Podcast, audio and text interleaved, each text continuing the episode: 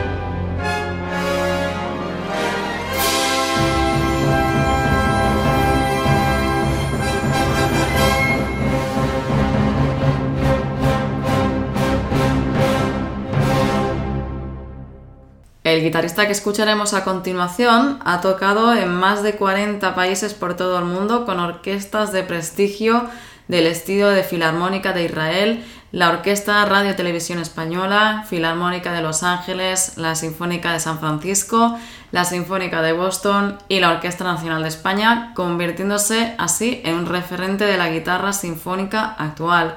De hecho, el mismo Plácido Domingo le ha descrito como el maestro de la guitarra española. Vamos a escuchar a Pablo Sainz Villegas, este gran guitarrista, interpretando al movimiento del Adagio del concierto de Aranjuez, interpretado por la Orquesta Filarmónica de Berlín.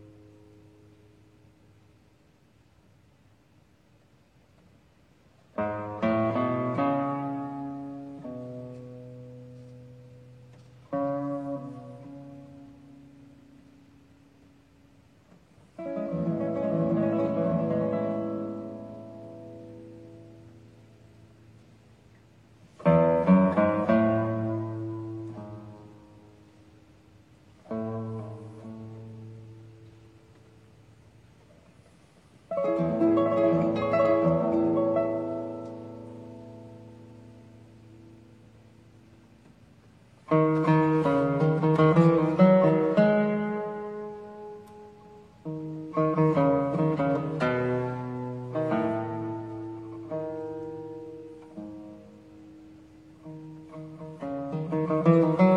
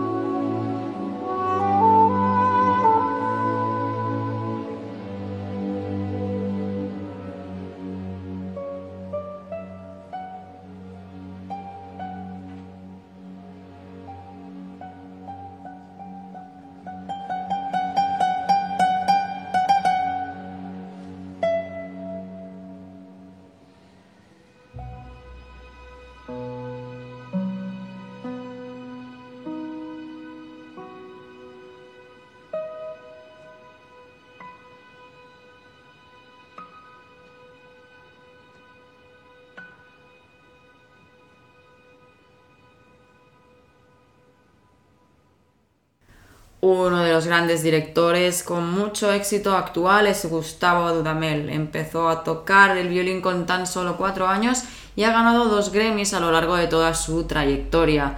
Ha dirigido gran variedad de orquestas como la Filarmónica de Viena que escucharemos a continuación, dirigida por Gustavo Dudamel y con una pieza maravillosa con el Adagio for Strings Opus 11.